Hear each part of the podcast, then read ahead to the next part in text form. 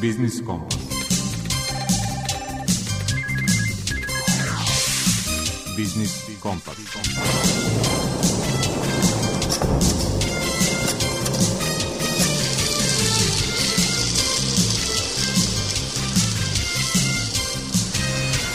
Pred mikrofonom je Đuro Vukelić.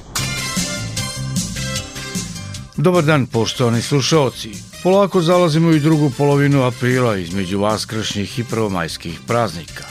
Globalne geopolitičke tenzije ne jenjavaju, mada se u njihovoj senci čini se polako spajaju pokidane ekonomske veze. Naš resorni ministar je ovih dana u Kini potpisao memorandum čime je otvorio vrata sporazumu o slobodnoj trgovini Srbije i te zemlje o čemu bi Srbija trebala da posebno povede računa u budućem sporazumu, razgovarali smo sa profesorom sa Beogradskog ekonomskog fakulteta Predragom Bjelićem u rubrici Aktuelno. Tržište rada u Srbiji i dolazak stranih radnika tema je rubrike iz mog ugla i izlaganja počasnog predsjednika Unije poslodavaca Srbije Nebojše Atanackovića. O javnom pozivu za samozapošljavanje žena Gradske uprave za privredu Novog Sada u rubrici Svet preduzetništva govori rukovodilac projekata u regionalnoj razvojnoj agenciji Bačka Marija Prokopić. Prednosti i nedostaci dobrovoljnih penzijskih fondova tema su rubrike Predmet financije i izlaganja direktora Odeljenja za nadzor nad delatnošću dobrovoljnih penzijskih fondova u Narodnoj banci Nataše Vujadina. U rubrici Potrošačka korpa prava pravni savjetnik u Udruženju za zaštitu potrošača Vojvodine Mladen Alfirović upozorava na opasnost uzimanja ličnih podataka kroz ponude za neovlašćeno izdavanje platnih kartica i preuzimanje nenaručenih poklon paketa. I pre najavljene rubrike aktuelnosti muzička pauza.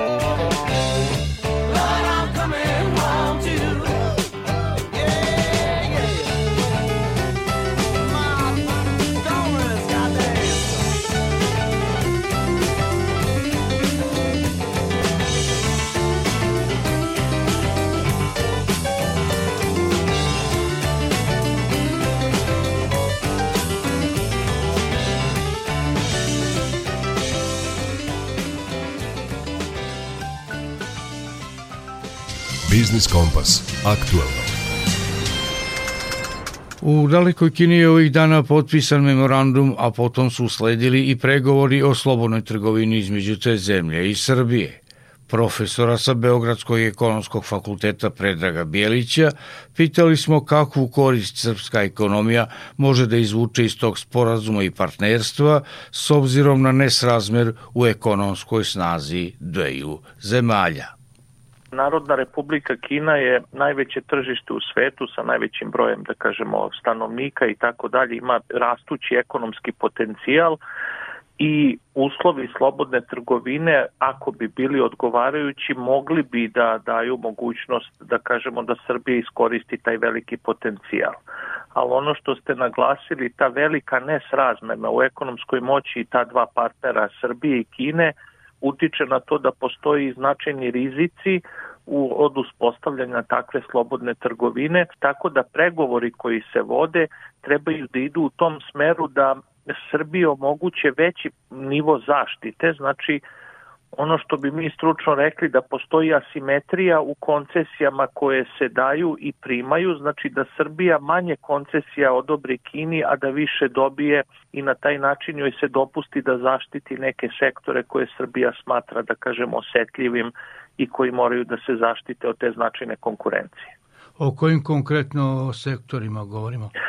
Pa na prvom mestu bi to bila poljoprivreda i uopšte proizvodnja hrane, jer mi imamo već neki nivo preferencija u tom pogledu, znači neke proizvode takve izvozimo na kinesko tržište, znači te preferencije su još od pre neke dve, tri godine odobrene, ali ovaj ako bi to bilo dvosmerno, ja mislim da onda mnogi poljoprivredni proizvodi koji se proizvodi u Kini su neuporedivo jeftiniji i oni bi jednostavno istisnuli i da kažem uticali bi na našu poljoprivrednu proizvodnju. Onda mnogi industrijski sektori, na primjer evo izdvojio bi proizvodnje igračaka ili bilo kakvi drugi sektori gde je, mislim, u većini sektora Kina je nenadmašta ne samo za Srbiju nego i za većinu razvijenih privreda.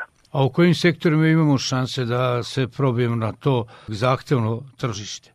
Pa to su po meni neka vrsta upravo tih poljoprivredno-prehrambenih proizvoda, s tim da bi po mom mišljenju to trebali da budu proizvodi koji su sa većom novododatom vrednošću. Znači da to nisu neke tipa poljoprivredne sirovine ili tako da kažemo proizvodi u neprerađenom obliku, nego da su to vrste da kažemo proizvoda koje bi mnogi značajnije da naplatimo, na primer vina, rakije, neke vrste ekskluzivnih sireva i tako dalje mi danas značajno izvozimo metale i to je rezultat kineskih investicija. Znači naš najznačajniji proizvod sada je ta ruda bakra zato što ovaj kineska investicija u rudniku u Boru ovaj usmerava tu trgovinu u tom smeru, ali mnoge druge, da kažemo, proizvode i zamislite sad, eto, kad bi se to tržište otvorilo samo, eto, da kažemo, za jedan proizvod, na primjer, za vina, koliki bi taj efekat bio, ali, kažem, s druge strane, mi moramo našu poljoprivredu da zaštitimo i ti pregovori, da kažem, koji sad treba da se vode su ključni i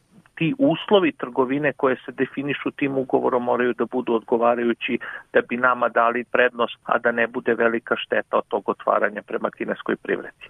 Ono, dakle, što smo propustili da učinimo kad smo sklapali sporazum sa Evropskom unijom. Sa Evropskom unijom je drugačiji sporazum. Ovaj sporazum koji imamo sa Kinom je dvostrani trgovinski sporazum koji, da kažemo, reguliše samo tu trgovinu. Sporazum sa Evropskom unijom osim te trgovinske komponente ima i tu integrativnu komponentu.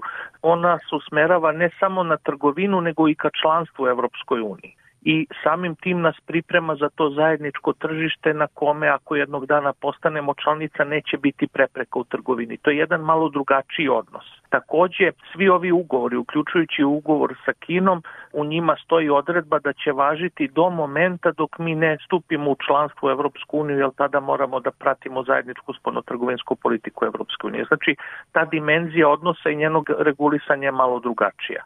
A šta će ovo partnerstvo sa Kinom značiti u kontekstu globalne polarizacije i kad je ekonomija u pitanju? Pa sada, da kažemo, prisustujemo jednim čudnim vremenima da imamo te velike lomove u svetskoj privredi opšte i u toj svetskoj politici i mi u stvari sad ne vidimo kakva će rezultat biti svih tih lomova i prestrojavanja. Neumitno je da Kina postaje jedan od najznačajnijih aktera i u svetskoj politici, ali i u svetskoj trgovini. I ovo što, na primjer, evo pogledamo u par zadnjih godina, njena uloga i u našem izvozu i uvozu raste. Znači, to je čisto rezultanta rastućeg značaja Kine u svetskoj trgovini. I postoji potreba da mi takođe regulišemo te odnose, ali ako dođe do zaoštravanja na globalnoj sceni i da kažemo nekog svrstavanja u blokove, onda će tu naša pozicija biti otežana, jer nećemo moći da vodimo ovako povoljnu politiku saradnje, da kažemo, sa svima i otvaranja svih tržišta i onda verovatno će to voditi ka nekom srstavanju u te, da kažemo, i trgovinske, ali možda i političke blokove, nešto kao što smo imali možda tamo u onom periodu hladnog rata. A može li ovo partnerstvo sa Kinom da nam otvori neka treća tržišta? Kina je veoma prisutna u zemljama Afrike i Latinske Amerike. Može, može znači jedna dimenzija su, na primjer, ulaganja kineskih kompanija koje su sve veća, jer pre toga Kina je nastupala kroz državne zajmove koji su stizali pa su ulagani u infrastrukture, energetske objekte i tako. Danas su ulaganja privatnih kineskih kompanija sve veća, a i samim tim taj ugovor koji bi imali sa Kinom, a ako se on zaključi, znači za sada samo tri zemlje, valjda Island, Švajcarska i mi, imamo iz Evrope takav sporazum, on bi bio magnet i za strane investitore koji bi, da kažemo, lovili možda neki povoljniji položaj da plasiraju svoju robu na kinesko tržište. Naš sagovornik bio je profesor sa Beogradskog ekonomskog fakulteta Predrag Bijelić. Predraže, hvala za razgovor i za izdvojeno. Hvala, čujemo se.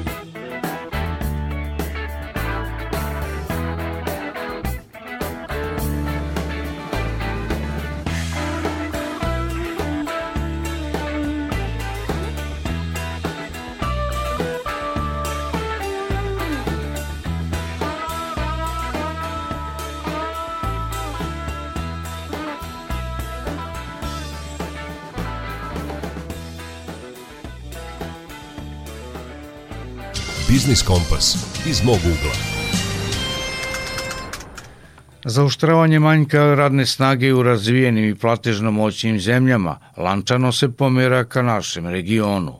Najpogođeniji sektori su zanatstvo, građevinarstvo i poljoprivreda. Kako nadomestiti manjak radne snage često i sa radnicima iz daleko istočnih zemalja, odnosno kakve su posledice na domaću privredu – O tome u rubrici iz mog ugla govori počasni predsjednik Unije poslodavaca Srbije Nebojša Atanacković.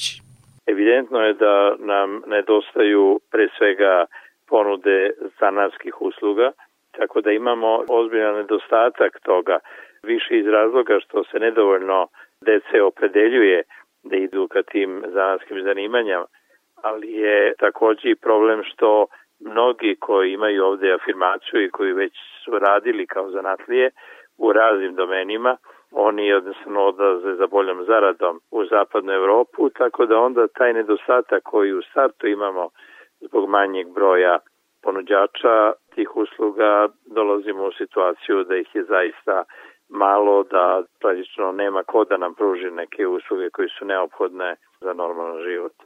Tako da je sve aktuelnije da uvozimo radnu snagu i to je sad nešto što praviše neminovnost. Što se tiče položaja poslodavaca, mi se zalažemo za to da nam se jednostavno omogući da možemo da zapošljavamo i radnike koji bi dolazili iz inostranstva, zato što ne može da se privreda zaustavi. Ne možemo da funkcionišemo koliko nemamo dovoljno ponuđenih izvršioca. Tako da je to nešto što je sve aktuelnije. Predviđa se i izmena zakona o zapošljavanju stranaca i jednostavno imamo tako jednu pojavu koja čini mi se ubrzava, a to je kako je potreba za radnom snagom na zapadu veća, tako od nas iz Srbije naši ljudi odlaze tamo na rad, a opet njih nadomešćavaju ovi koji dolaze iz recimo s dalekog istoka ili iz našeg okruženja. Uglavnom nedostaju radnici u nekim intenzivno radnim zanimanjima. Često to nisu ne znam kako kvalifikovani radnici, uglavnom u oblasti građevine, poljoprivrede, na svu sreću nama nedostaju, za smo nešto i dobili iz Rusije i Ukrajine, a i ti stručnjaci koji praktično mogu da rade ovo, dakle god i oni jednostavno nam puno znače da popune to jedno zaista izuzetno traženo tržište tih posebnih kvalifikacija. Ali činjenica je da nama recimo opet posebno u građevinarstvu nedostaju neki zanatski radovi, keramičari, električari i slično. Dalje, već tradicionalno više od možda i 20 godina nam nedostaju zavarivači.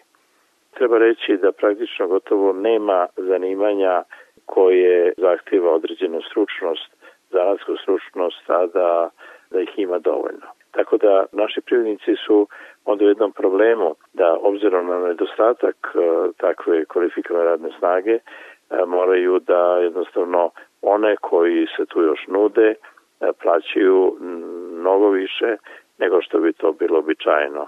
Tako da u pojedinim zanimanjima neposredni izvršioci zanatlije imaju mnogo, mnogo veće zarade nego što to imaju ljudi često i sa fakultetima koji su na nekim administrativnim poslovima.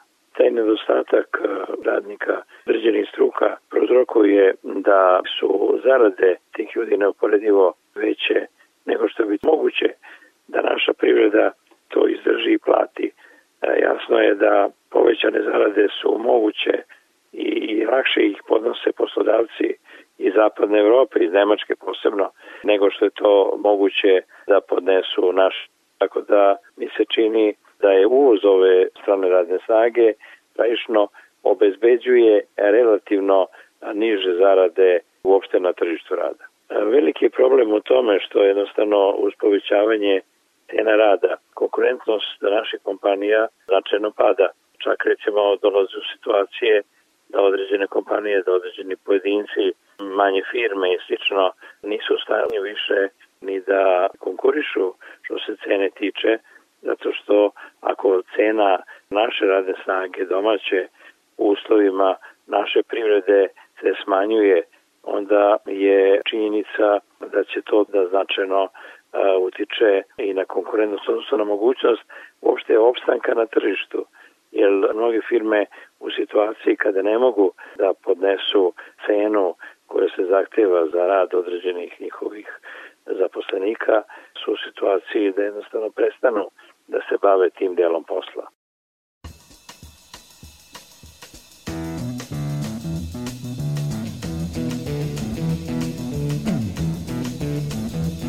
You know the day destroys the night, night divides the day.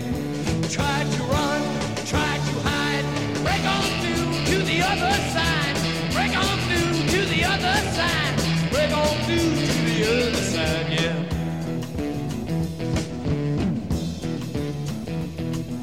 We chased our pleasures here, dug our treasures there,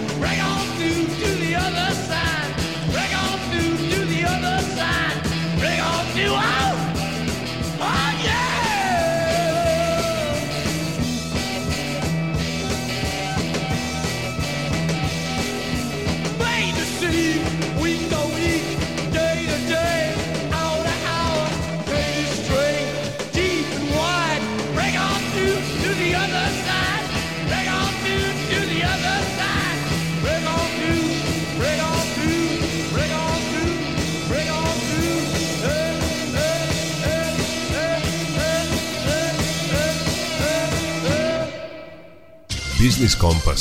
Svet preduzetništva. Gradska uprava za privredu Novog Sada raspisala je javni poziv za samozapošljavanje žena. Ko može da konkuriše, pod kojim uslovima i koliko novca mogu da dobiju učesnice konkursa, reći će nam rukovodilac projekata u regionalnoj razvojnoj agenciji Bačka, Marija Prokopić.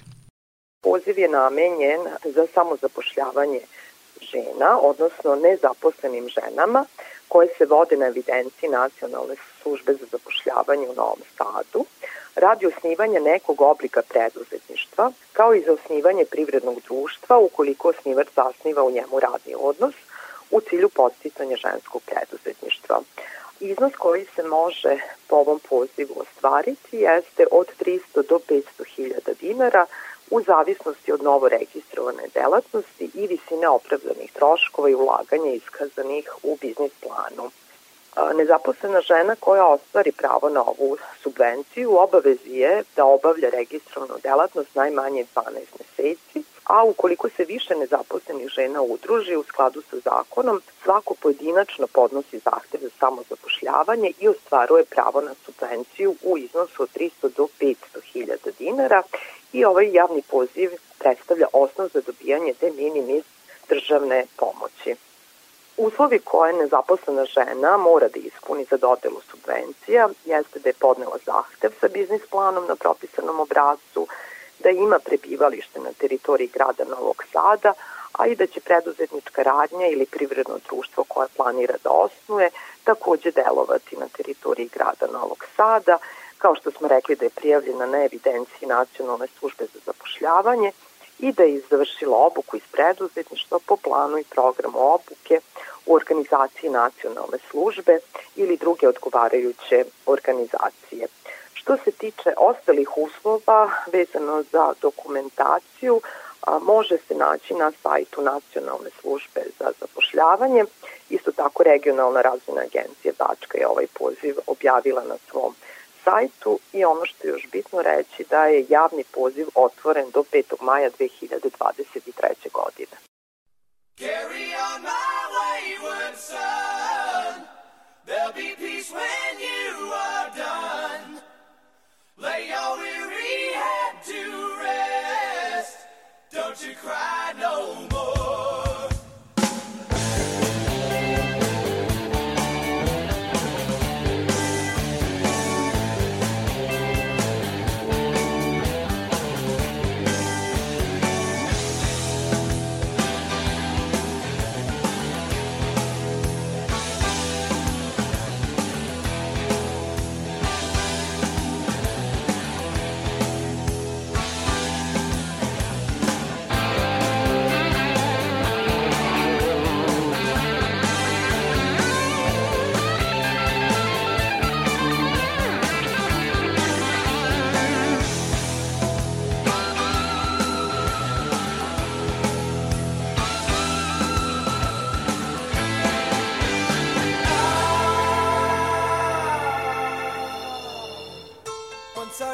above the noise and confusion, just to get a glimpse beyond this illusion.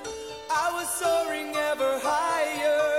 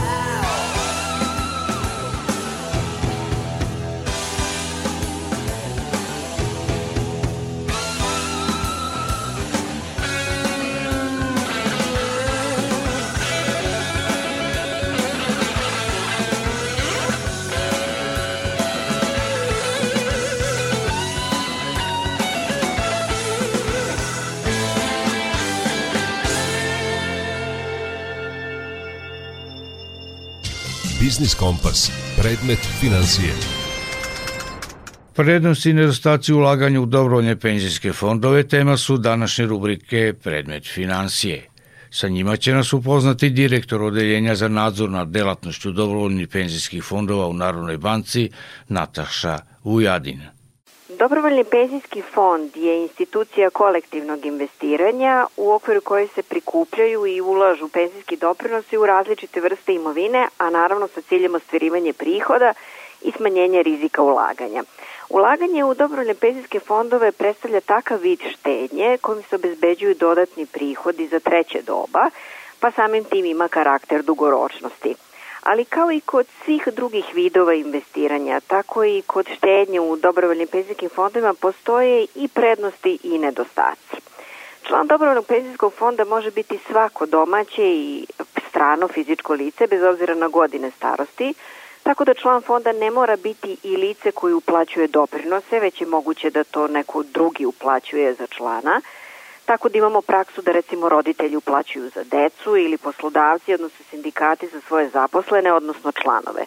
Prema tome članstvo u fondu može se ostvariti na dva načina, ili individualno, zaključenjem ugovora o članstvu, ili preko poslodavca, gde poslodavac zaključuje ugovor o penzijskom planu za svoje zaposlene. Članstvo je svakako na bazi dobrovoljnosti, te tako postoji potpuna sloboda u izboru fonda, kao i o njegovom napuštanju, odnosno prenosu novca u neki drugi fond. Takođe, jedno lice može da bude član i više dobrovoljnih penzijskih fondova, tako da prednost ulaganja u penzijske fondove ogleda se i u mogućnosti da član fonda u svakom momentu, ukoliko nije zadovoljen poslovanjem fonda, može doneti odluku o potpunom ili pak delimičnom prenosu svojih sredstava u drugi fond – ne postoje ograničenja slobode člana ni u pogledu uplata u fond, tako da član može uplaćivati doprinose u iznosu i prema dinamici koju samostalno odredi, pa čak i prekinuti sa uplatom doprinosa, u kom slučaju ne može biti tužen niti obavezan na dalje uplate. Shodno tome, ukoliko neko lice prestane da uplaćuje doprinos iz određenih razloga, ono ne gubi status člana fonda, a njegova sredstva i dalje se investiraju. Redovna penzija koji se isplaćuje iz Republičkog PIO fonda ni na koji način nije vezana za ovu vrstu ulaganja. Kod dobrovnih penzijskih fondova sredstva koje su akumulirana u fondu su nasledna i u periodu uplate, ali i u periodu isplate. Sledeća prednost ogleda se u tome da zaposleni poslodavci uplatom u penzijski fond mogu da ostvare i određene uštede, s obzirom na to da se uplata penzijskog doprinosa u dobrovoljne penzijske fondove iz sredstava poslodavca – oslobađa plaćanja poreza na dohoda građana i doprinosa za obavezno socijalno osiguranje do iznosa od 7529 dinara po zaposlenom mesečno, kao i da se uplate u istom iznosu koji poslodavac vrši putem administrativne zabrane, obustavom i plaćanja i zarade samog zaposlenog oslobađaju plaćanja poreza. Navedene olakšice predstavljaju dodatni vid stimulacije i za zaposlene i za poslodavce, da jedan deo izdvajanja za zarade usmere ka štednji u penzijskim fondovima. Prednost dobrovoljnih penzijskih fondova ogleda se i u odvojenosti imovine fonda od imovine društva za upravljanje, tako da ona ne može biti predmet ni prinudne naplate, ni zaloge, hipoteke, niti deo likvidacijalne ili stečajne mase društva za upravljanje kasadi banke ili nekog drugog subjekta. Međutim, Penzijski fond se ne može tretirati kao štedni račun u smislu da kad se jednom uloži novac ne postoji mogućnost da se sredstva podignu sve dok se ne ispuni propisana starostna granica koja je prema važećem zakonu o dobrovoljnim penzijskim fondovima i penzijskim planovima 58 godina. Takođe, povlačenje sredstava jednokratnom isplatom ograničene na 30% od ukupnog iznosa, dok se ostatak može isplaćivati na neki od propisanih načina. Kao i kod svih ostalih investicija, građani moraju biti svesni da se uložena sredstva u dobrovoljne penzijske fondove mogu uvećati, ali i umanjiti. Naime, u Republici Srbiji zastupljeni sistem penzijskih fondova koji se zasniva na principu definisanih uplata, a ne definisanih isplata, te u tom smislu ne postoji garancija da će se na uložena sredstva obavezno ostvariti prinos.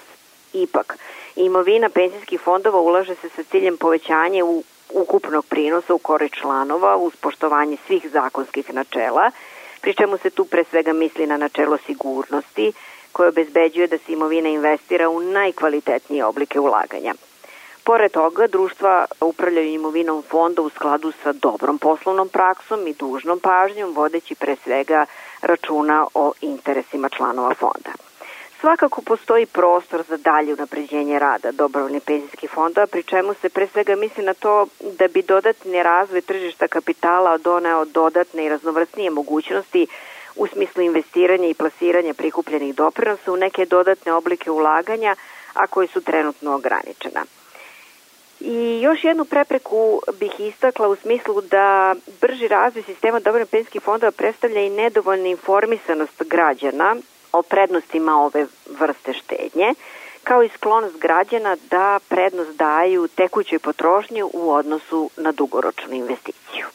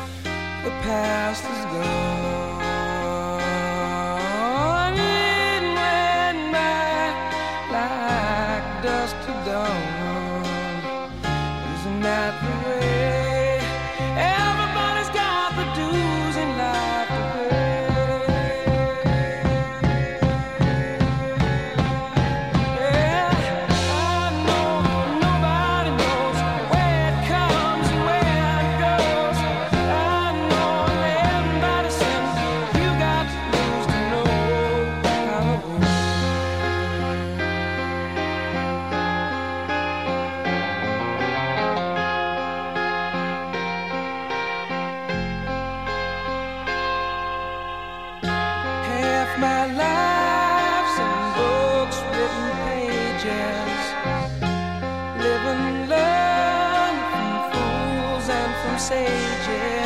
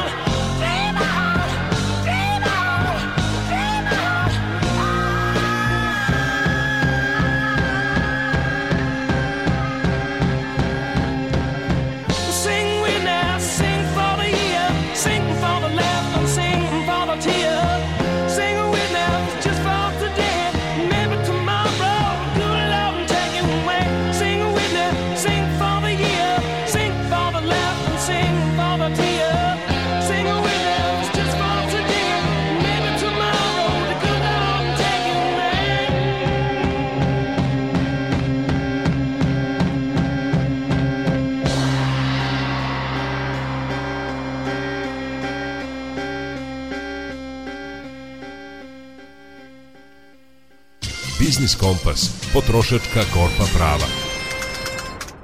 Neovlašćena proizvodnja platnih kartica i SMS poruke o navodno poklon paketu novi su način pribavljanja ličnih podataka. Upozora o rubrici Potrošačka korpa prava, pravni savjetnik u Udruženju za zaštitu potrošača Vojvodine, Mladen Alfirović.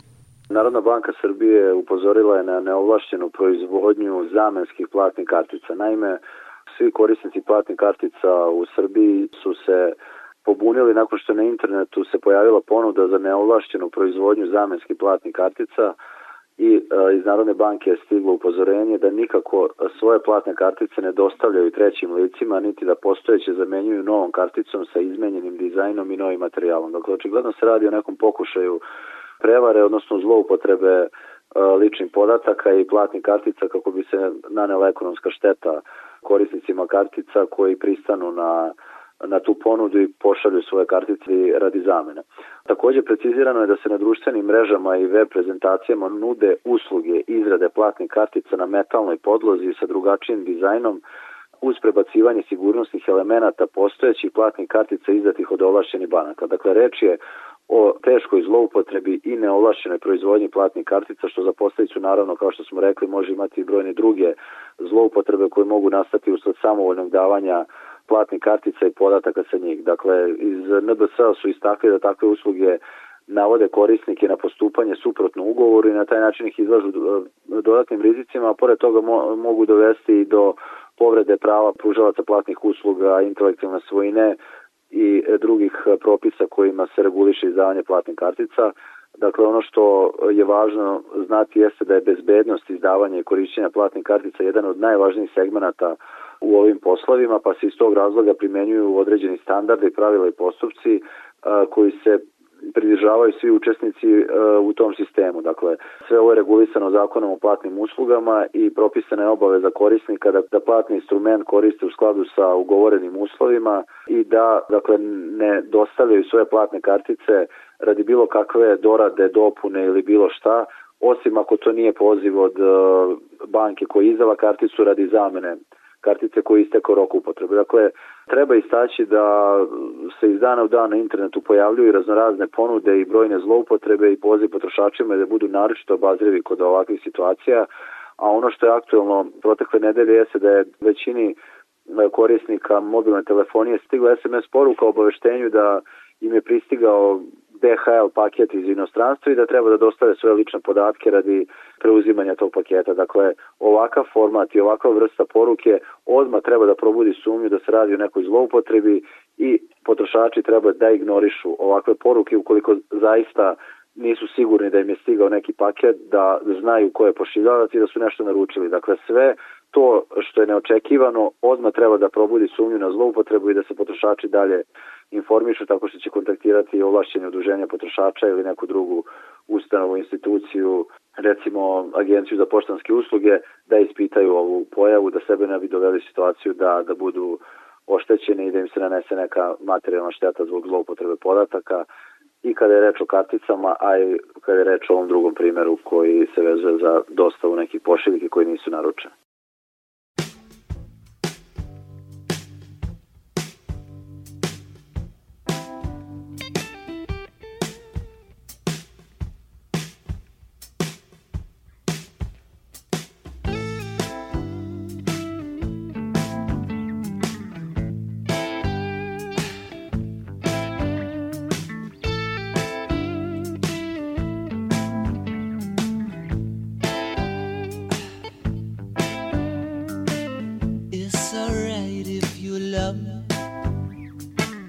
It's alright if you don't. I'm not afraid of you running away, honey. I get the feeling you owe. There is no sense in pretending. Your eyes give you away. Something inside you is feeling like I do. You said all.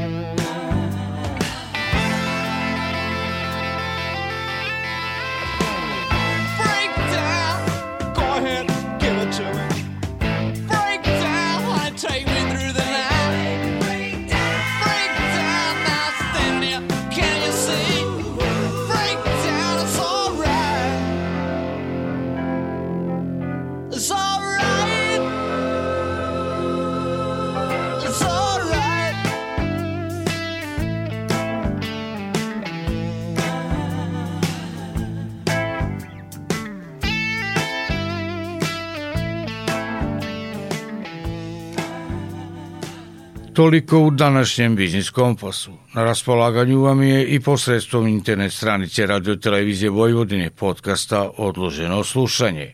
Do idućeg utorka u isto vreme pozdrav od tima koji je realizovao emisiju, a čine ga muzički urednik Zoran Gajinov, ton majstor Marica Jung i urednik emisije Đuro Vukelić.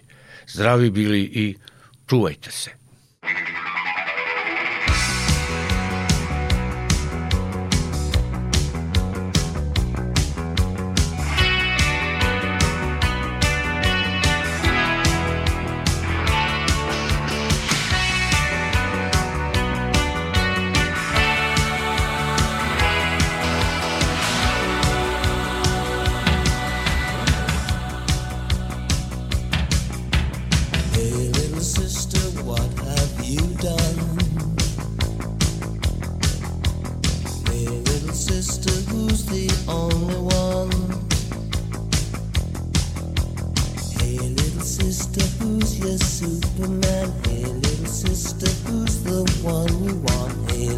sister shotgun.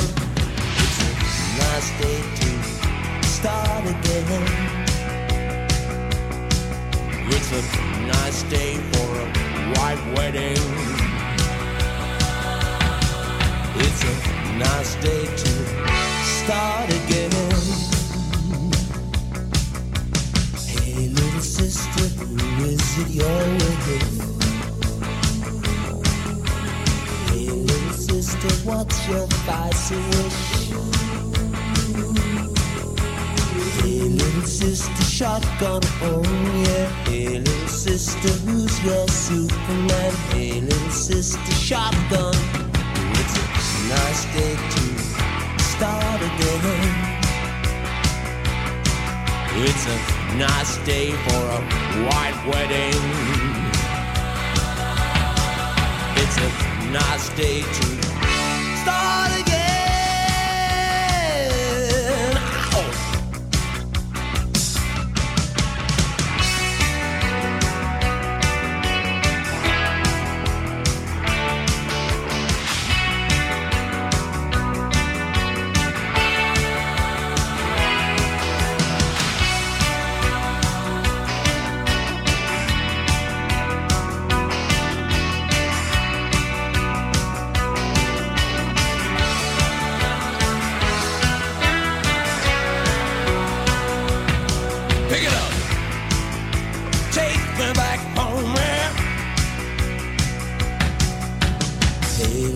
sister, what have you done? Say, little sister, who's the only one? I've been away for so long. I've been away for so long. I let you go for so long. It's a nice day to start again. Come on, it's a stay for a white wedding. It's a nice day to start again. Wow. There is nothing fair in this world. There is nothing safe in this world. And there's nothing sure in this world. And there's nothing pure in this world. Look for something left in this world. Start again. I'm always a nice day for a white wedding. What's a nice day